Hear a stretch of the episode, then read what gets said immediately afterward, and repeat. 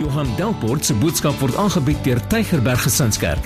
Vir meer inligting, besoek gerus gesinskerk.co.za of skakel gerus die kerkkantoor by 021 975 7566. Tygerberg Gesinskerk, kom vind jou geestelike tuiste.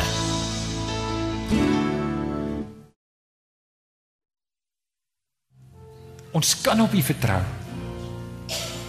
Here, en wanneer ons hier bymekaar kom en ons sing lofliedere en, en ons wil U naam groot maak en ons wil U naam eer, dan weet ons, Here, terwyl ons dit doen, dit bring 'n verandering in my eie hart. Dit verander my, Here. En in hierdie oggend, Here, wanneer ons gaan luister na U woord, wil ek vra dat U dit sal verander in ons lewens wat nie lyk soos Jesus nie. Here, daar waar ons twyfel, dat U vir ons sekerheid sal gee. Daar waar daar ongeloof is, dat U vir ons weer nuwe geloof sal gee. Daar waar daar moedeloosheid is, dat ons weer nuwe moed in U sal kry. Here, dankie dat U 'n God is wat hier is. Dankie dat U 'n God is wat omgee. U is nie 'n afstand God nie, U is 'n naby God. U is nie 'n kwaad God nie, U is 'n liefdevolle God.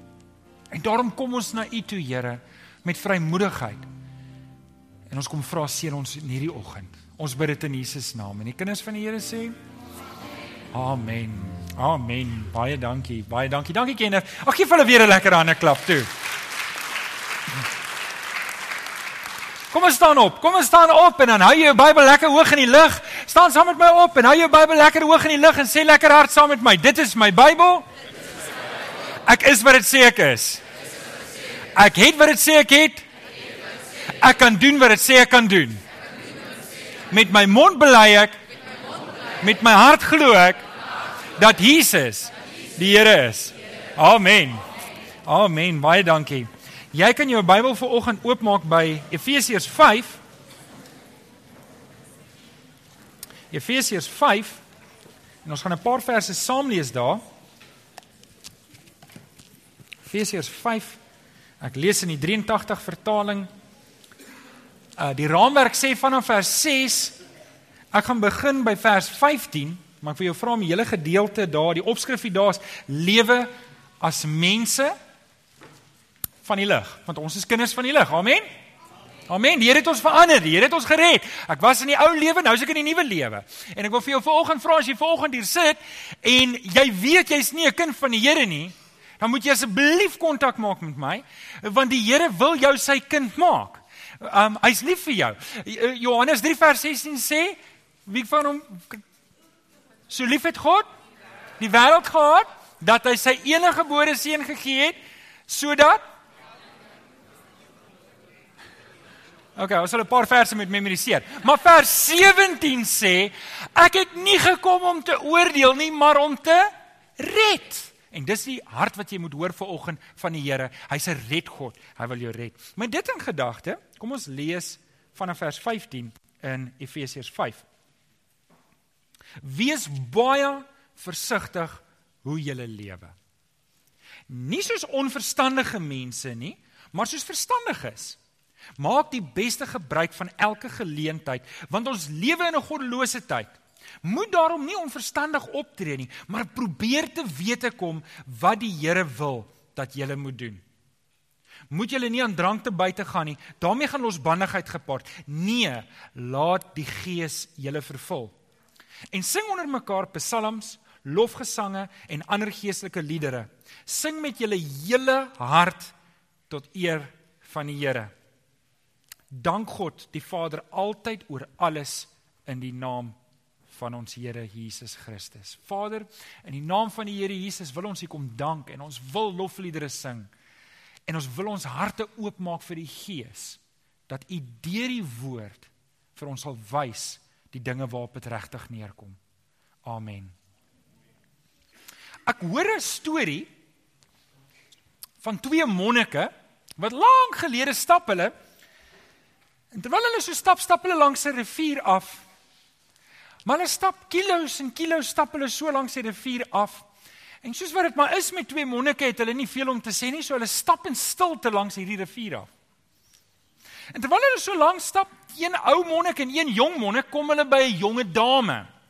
En die jonge dame staan daar en die jong monnik kyk na die jonge dame en vra, "Kan kan ek jou help?"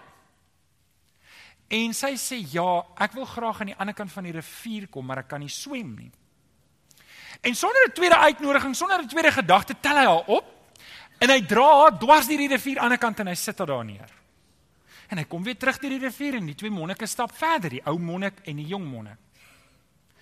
En hulle stap seker wat 'n goeie 2 ure is nog verder in doodse stilte, maar die stilte is skielik anders. Skielik is dit 'n ongemaklike stilte. En na 2 ure kan die ouer monnik dit nie meer verdra nie en hy sê: "Jy weet, ek is regtig teleurgesteld in jou. Het ons nie beloof dat ons nooit aan 'n vrou sal raak nie?" En jy het hierdie jong dame opgetel, teen jou vasgedruk en deur die rivier gedra. En ons weer 'n oomblik stilte in die jong monnik dink nou hoe hy die ou monnik gaan antwoord. En hy sê ja, jy jy's reg. Dit is so.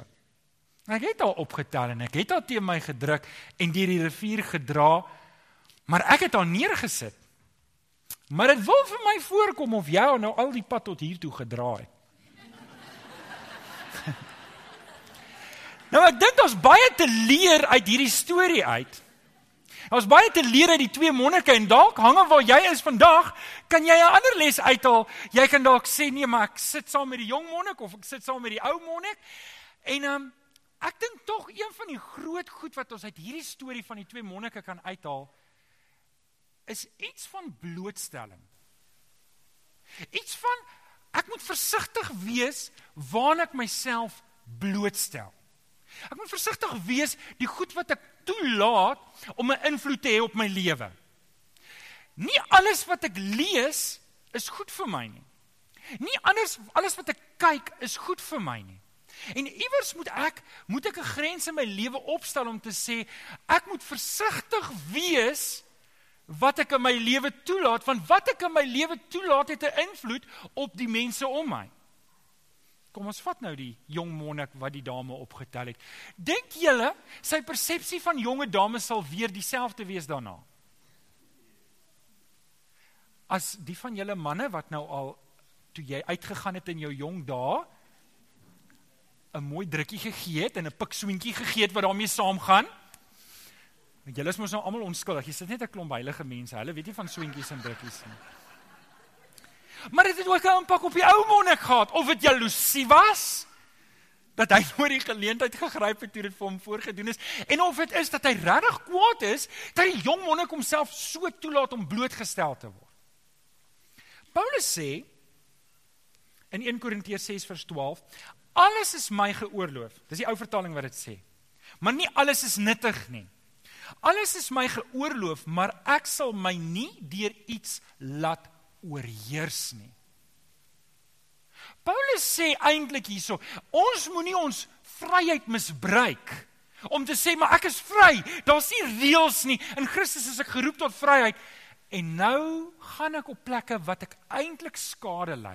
Die Lewende Bybel sê dit eintlik vir my baie mooier. Dit sê 'n mens kan sê ek mag enigiets doen maar dis nie alles goed vir my nie. Ek mag enigiets doen, maar ek sal my nie deur iets laat bind waarvan ek later nie weer kan loskom nie. Ouens, ons as kinders van die Here moet baie versigtig wees aan die dinge wat ons onsself aan blootstel. Paulus sê vir die manne wat sterk is in die geloof, julle wat sterk is in die geloof, julle wat staan moet pas op dat julle nie val nie. Dink julle daar is iets soos 'n plek waar kom in my Christendom wat ek sê, julle ek wil net vir julle sê, volgens my evaluasievorm wat ek gedoen het van myself en ek is baie subjektief, is ek op 'n punt in my lewe wat ek nie meer kan val nie. So ek het goeie nuus vir julle gemeente. Julle het nou 'n predikant wat valloos is. Kan ek vir jou sê die ou wat dit sê, moet jy ernstig bekommerd oor wees want hy is die naaste aan om te val. En dit is hoekom julle ouens ons stel onsself te maklik bloot aan goed wat ons bind, wat ons aftrek, wat ons wegtrek. Nou ons was mos nou in die wildtuin gewees en daar's 'n gesegde wat sê die heel beste kamera, wil julle raai wat se kamera is dit? is die kamera wat jy by jou het as jy 'n foto wil neem. Voor ons nou 'n 'n 'n skering in die gemeente het oor kameras. Maar um, ek is ek stel nogal belang en ek het agtergekom dat die kamera wat ek wel by my gehad het, was toe nou nie die beste nie, want as jy zoom dan raak alles blokkies. En um, ek sal eendag vir my 'n goeie kamera wil koop. Ek stel nogal belang in fotografie en ek het 'n foto saamgebring wat ek net wil hê julle moet sien en ek wil 'n punt maak van hierdie en dan gaan ek verder gaan. Jy daai julle sal dit nie glo nie, maar dis drie foto's wat dis presies dieselfde foto, selfde plek, selfde tyd geneem. En in fotografie kry jy 'n term wat hulle noem overexposed, al ooit daarvan gehoor, die van julle wat foto's neem, en underexposed. En eh, die foto wat jy het in die middel, as ons beligting nou reg was en ons dataprojektors was nou gesond soos wat dit moet wees, dan sê jy gesien het dit is die regte wat hulle noem exposure, blootstelling. En die exposure is die hoeveelheid lig wat van buite af deur die lens gaan na die film toe. Wie van julle onthou nog die films? Jy onthou die films as jy klaar is, dan maak hy klik klik klik klik en dan moet jy hom rewind. En as jy 'n ou kamera gehad het, dan het hy nie met batterye gewerk nie, dan moet jy hom rewind met die hand. En as jy 'n goedkoop kamera gehad het, dan het jy nooit geweet of hy klaar gerewind is nie en dan maak jy hom oop en dan, "O, oh, is hy klaar nie." En dan wat gebeur met daai foto's? Wel sien A het jy, hulle het nie eens vir jou gegee nie, jy het nie eens betaal daarvoor nie. Maar in die vroeë ou dae, dan jy sulke wit foto's gekry. Dit is overexposure, te veel lig. Maar dan kry jy ook ander exposure wanneer daar te min lig deur die lens. En op 'n manier wil ek hierdie van toepassing maak om te sê ek dink ek dink te veel kinders van die Here is overexposed. Is oorblootgestel aan die wêreld. Ek dink te veel Christene laat hulle te veel toe in hierdie wêreld En dit doen skade aan hulle. Hulle is nog steeds kinders van die Here, hulle gaan nog steeds hemel toe, maar hulle is so ingetrek in die wêreld, so beïnvloed deur die wêreld dat hulle kan nie altyd onderskeid mee tref tussen wat reg en wat verkeerd is nie. Maar die ander kant is ook waar. Ek dink te veel Christene in hierdie illustrasie wat ek wil gebruik is underexposed, onderblootgestel aan die woord van die Here. Hulle kry te min van die woord van Hulle kry te veel van die wêreld in, maar hulle kry te min van die woord van die Here in. En dis die twee goed wat ons moet regkry in ons lewe. Ons moet pas op vir die een en ons moet die ander ene najag. As jy net saam met my lees in Efesiërs 5. Ek wil net vers 8 ook bylees. Paulus sê vir die Efesiërs in vers 8: "Vroer was julle die ene duisternis, maar nou in die Here is julle lig.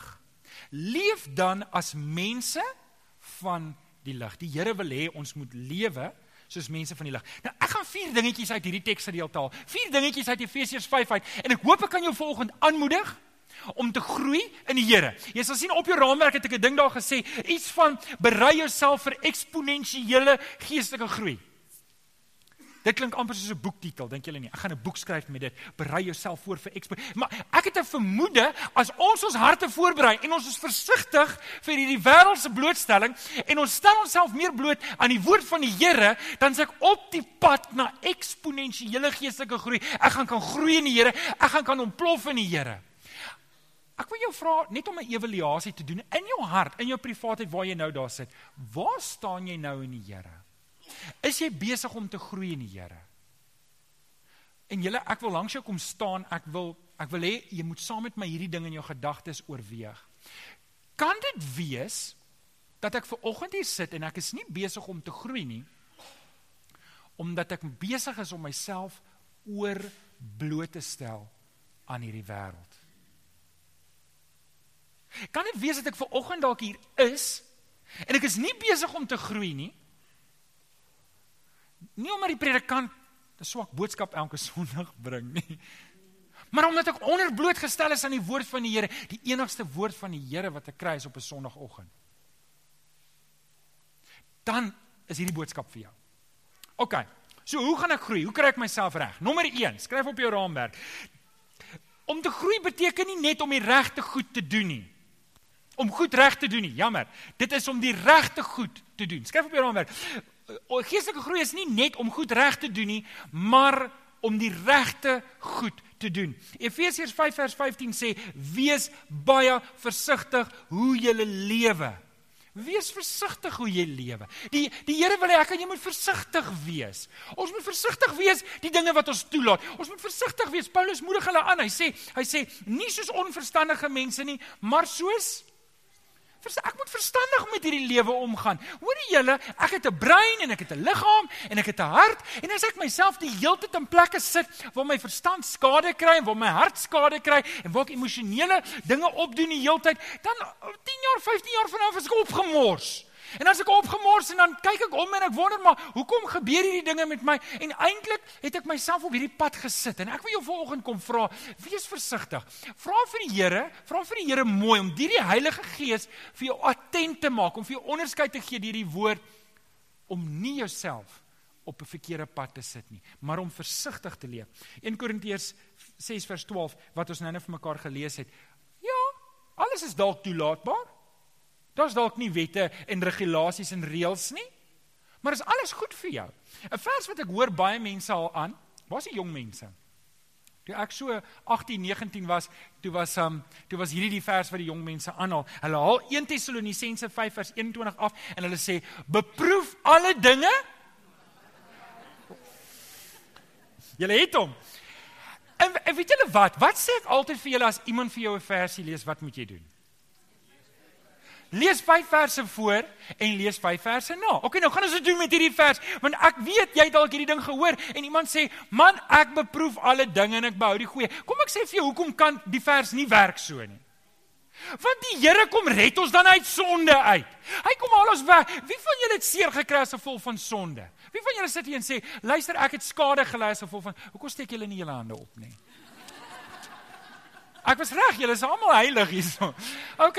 Nee, almal van ons wat hier sit, het skade gekry, het seer gekry as gevolg van jou eie sonde dalk, as gevolg van ander mense se sonde dalk, maar die goed het seer gemaak. Nou, hoe kan ons nou hierdie vers in sê, man beproef alle dinge, gemaak mense seer, gaan doen kwaad, gaan doen. Die Here het ons dan juist kom red daarvan. Die Here sal ons nou nie in 'n ander asem sê, nee, maar gaan aan, gaan doen dit. Dis is nie saam. Dis mos nie hoe die Here se hart werk nie. Kyk, so kom ons lees die verse om het. Ek begin in vers 17. Vers 17 sê bid sonder ophou. OK, so ons het dit, ons moet bid sonder ophou. En nou ons praat nou oor lewe versigtig. Dink jy ek lewe versigtig as ek bid sonder ophou? Ja, ek lewe versigtig. Vers 18 sê: "Wees in alles dankbaar want dit is God se wil vir jou in Christus Jesus." Dink julle ek lewe versigtig wanneer ek 'n dankbare houding het in die lewe? Ek dink so. Dink julle ook so? Vers 19 sê: "Blus die gees nie uit nie. Lewe ek versigtig as ek die gees nie uitblus nie." Ja. Vers 20: "Veraf die verag die profesie nie. Met ander woorde, maak jou ore oop vir wat die Here sê. Hou jou ore oop vir die woord van die Here. Lewe ek versigtig as ek my ore oop maak vir die woord van die Here." Ja. Nou vers 21: "Beproef alle dinge en behou die goeie." Nou sê vers 22: Onthou julle van elke vorm van kwaad. Dit snaaks hoe die konteks glad nie ter sprake is hier nie. Maar as jy net daarom een vers verder gelees het, dan sien jy jouself uit die moeilikheid gehou. Maar nee, nou het ek een vers, so nou het ek 'n lisensie om te doen wat ek wil. Jy kan hoor dis onsin. Ons moet versigtig lewe. Ons moet versigtig kyk om ons dat ons nie in 'n strik beland. Die lewende Bybel sê, myself laat bind deur iets waaruit ek later aan nie kan loskom nie. Paulus moedig ons aan. Wil jy geestelik groei? Lewe versigtig. Nommer 2. Eksponensiële groei kom wanneer ek nommer 2 nie net my tyd prioriseer nie. Ons tyd is mos vir ons belangrik, maar wanneer ek tyd maak vir prioriteite. Skryf daarso, dit gebeur wanneer ek tyd maak vir dit wat regtig belangrik is. Efesiërs 5 vers 16 sê: "Maak die beste gebruik van elke geleentheid. Hoekom? Want ons lewe in 'n goddelose tyd. Terwyl ek voorberei maak ek die berekening as as die Here vir my 76 jaar gee, dan s'ek nou halfpad met my lewe. Wat gaan ek maak met hierdie tyd wat die Here vir my gegee het. Hoe gaan ek dit spandeer? Hoe gaan ek dit belê? sien ek kan my tyd gebruik om geld te maak, né? Nee?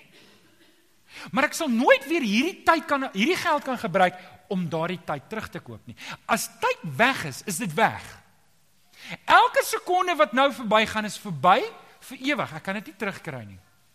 En daarom moet ek mooi dink wat ek met hierdie my beursie van tyd maak want my beursie van tyd het sekondes in, dit het ure in, dit het dae in, dit het maande en jare in. En ek het net soveel. Elkeen van ons het net soveel tyd wat die Here vir jou gee. En die horlosie bly tik. En daarom moet ek myself vra en ek en jy, ons moet ons vanoggend self vra, Here, as ek nog as ek nog 37 jaar oor het, wat wil U hê moet ek met my lewe maak? Wat wil die Here hê? Moet ek maak die beste gebruik van elke geleentheid. Kolossense 4 vers 5 sê: "Wandel in wysheid teenoor die wat buite in die kerk is. Koop die tyd uit. Koop die tyd uit. Handel in wysheid, koop die tyd uit. Ons moet ons tyd met wysheid gebruik." Julle Ek hou altyd van die gedagte om te dink, hoekom is ons hier? Hoekom ons is nog hier? Wie van julle sê ek is gered, ek is 'n kind van die Here? Steek net gou op jou hand. Wil net kyk. Die van julle wat nie hulle hande opgesteek het nie, julle weet waar om my te kry na kerk, okay?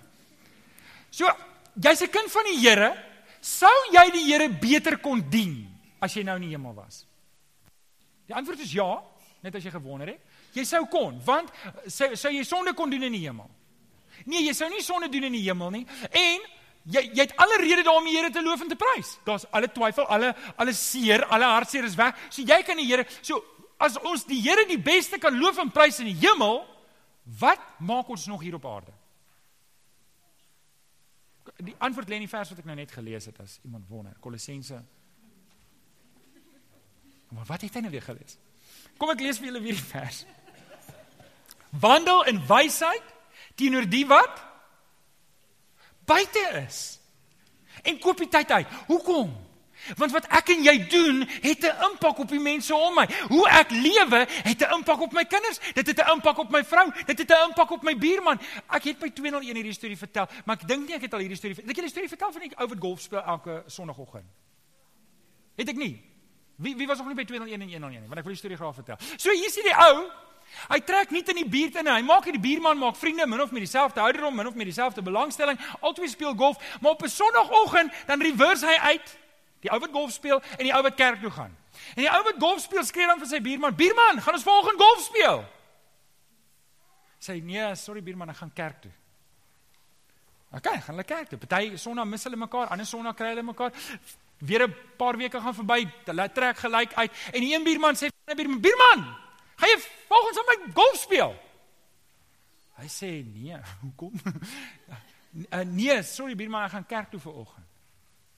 En so gaan dit aan 'n derde week en 'n vierde week, maar dit gebeur oor 'n kwessie van 6 maande.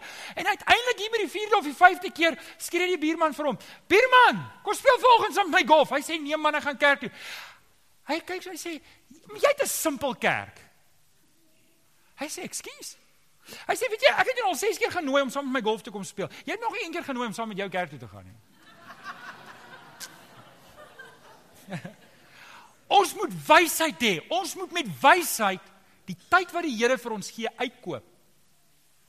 En deel van dit is ons moet seker maak ons vat mense saam.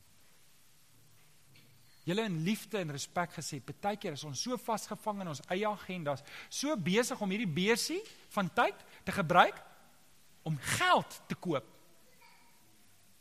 Maar ons hierdie tyd moet belê in die koninkryk. Dis nommer 2. Dis ook geestelike groei. Dis ook my regkry vir geestelike groei. Nommer 3. Eksponensiële groei kom wanneer ek my lewe inrig, nie net 'n soeke na vervulling nie, maar 'n vervulling van my goddelike roeping. Julle partykeer dink ek en is weer op hierdie tema van blootstelling. Ons is so blootgestel dat as iemand iets het, die nuutste, ek wil die nuutste hê. Hoe gouer, hoe beter. Julle ken hom nie. Hoe gouer hoe beter, hoe vinniger hoe beter. Hoe meer hoe beter. En dis hoe ons ons lewe leef. Ek wil die nuus dadelik hê. En dis dalk 'n probleem van die tyd waarin ons leef. Nuus is net so in jou hande. Onthou jy dat die tyd toe as jy 'n belangrike boodskap wou stuur, moes jy 'n telegram stuur? Onthou julle dit? Wie van julle weet nie wat 'n Telegram is nie? Want net kyk, dis die jonges. Ja, hier's 'n paar mense wat hulle hande opsteek. um Maar nou is die inligting so vinnig by ons. Ons word so vinnig blootgestel en 'n klomp goed wat onnodig is. Hoor gou mooi wat ek nou vir jou sê. Nie alles wat goed is is goed vir jou nie. Nie alles wat goed is is goed vir jou nie. Daar kan goed wees wat goed is vir my, maar dit kan jou lewe reuneer. Daar kan goed wees wat oukei okay is, maar as jy daarmee gaan betrokke raak, gaan dit jou lewensroeping heeltemal aftrek. Dit gaan jou heeltemal op 'n spoor sit waar jy nie moet wees nie. En daarom moet ek met wysheid lewe, die eerste vers wat ons gesê het. Ek moet versigtig lewe, maar nie net dit nie. Ek moet my goddelike roeping najag. Elkeen van julle wat hier sit, het 'n roeping in die Here. Nie almal se roeping is om te kom preek nie, maar elkeen van julle wat hier sit, het 'n roeping in die Here. Sê vir die ou langs aan jy het 'n roeping in die Here. Efesiërs 5 vers 18 en 19 moet julle nie aan drank te buite gaan nie. Daarmee gaan losbandigheid gepaard. Nee laat die gees julle vervul. Romeine 8 vers 14 sê almal wat hulle deur die gees van God laat lei is kinders van God. Ek het nog vier verse oor die Heilige Gees. Jy kan dit dalk neerskryf as jy wil. 1 Tessalonisense 5 vers 19 sê moenie die Heilige Gees uitblus nie ek gaan nou ietsie daaroor sê moenie die Heilige Gees uitblus nie 1 Tessalonisense 5 vers 19. Efesiërs 4 vers 30 sê moenie die Heilige Gees bedroef nie. So ons het uitblus, ons het bedroef.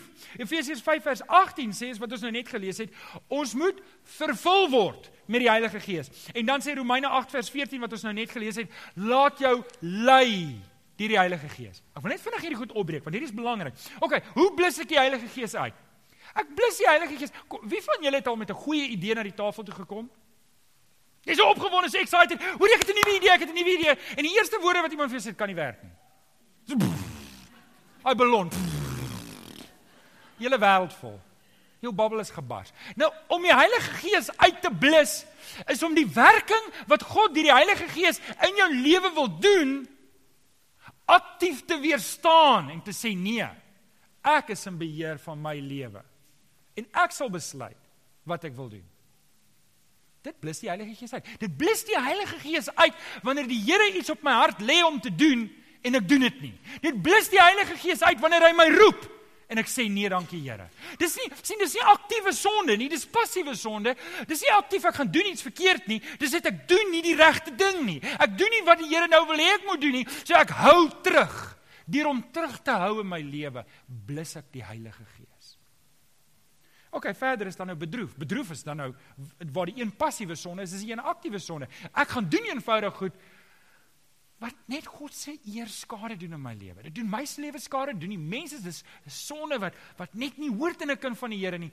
En dit bedroef die Heilige Gees. Dit bedroef dit maak God se hart seer wanneer ek moet sowillig aangaan met my sonde nadat ek weet dis nie wat die Here vir my wil hê nie. Dit maak die Here se hart seer, bedroef. Nommer volgende. Nie op die raamwerk nie, die volgende. Om om te groei. Hy hy hy, hy sê Efesiërs 5 vers 18 word liewer vervul met die Heilige Gees. Onthou hy praat klaar met kinders van die Here. Hy praat klaar met mense wat vervul is met die Heilige Gees. Hy sê bly weg van die drank, maar soek die Heilige Gees. Laat die Heilige Gees in jou lewe werk. Maak jou hart oop vir die Heilige Gees. Nie vir die wêreld se invloed nie, nie vir nie vir alles wat daar buitekant aangaan nie, maar vir die Gees van die Here. Hoekom? Want elkeen van ons wat hier sit, het ver oggend 'n roeping. Sê asseblief amen. Jy het 'n roeping, jy het 'n roeping en die Here wil jou lei, die Heilige Gees wil vir jou lei. Ek en jy moet hom net volg. Dis net 'n kwessie van gehoorsaamheid. Dis net 'n kwessie van gehoorsaamheid. Sal jy die Here vertrou om jou na plekke toe te vat wat jy nie eers in jou wildste drome kon dink nie? Jy dink dalk nou Jou situasie hou jou terug. Jy dink dalk jou gesondheid is die rede hoekom die Here my dalk nie nou kan gebruik nie. My finansiële situasie is dalk hoekom die Here my nie kan gebruik nie. Dalk is ek het klein kinders of ek het groot kinders of ek het ek weet nie wat se kinders nie. Uh, uh, Daar's ons het soveel verskonings vir hoekom die Here ons nie kan gebruik nie. Maar wat die geheim is, kan ek jou die grootste geheim vertel wat jy nog ooit gehoor het. OK, nie heeltemal nie, maar jy kry die idee. Dis vir dramatisering. God wil jou gebruik waar jy nou is. Het jy 'n seer skouer? So wat? Die Here kan jou gebruik met 'n seer skouer. Dink jy die Here het 'n probleem met my seer skouer, my seer been, my krom enkels? Die Here het nie 'n probleem met enige van my dele nie. En kan ek jou nog 'n geheim vertel? As die Here dit wil verander, dan kan hy dit doen. Hoeps, waps en is klaar. As hy dit nie doen nie, dan beteken dit hy wil my gebruik soos ek nou is. En ek moet net nie die fout maak om te gaan sit en te sê, "Wat verwag jy?" Nee, ek wag vir beter dae. Nee, nee, ek moet vir die Here gaan. Ek moet vir die Here sê, Here, hier is ek, gebruik my. OK. Nommer 4. Nie net te stry vir krag en mag nie, dis iets wat ons doen in hierdie wêreld. Ek wil mag hê, ek wil meer posisie hê, ek wil meer geld hê, ek wil meer vorentoe gaan, ek wil meer, meer, meer, meer, meer, meer.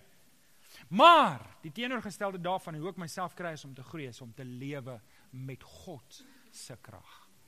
Ek moet lewe met God se krag. Efesiërs 3 vers 16 sê ek bid dat hy, dis God, deur sy gees uit die rykdom van sy heerlikheid julle die krag sal gee om innerlik sterk te word.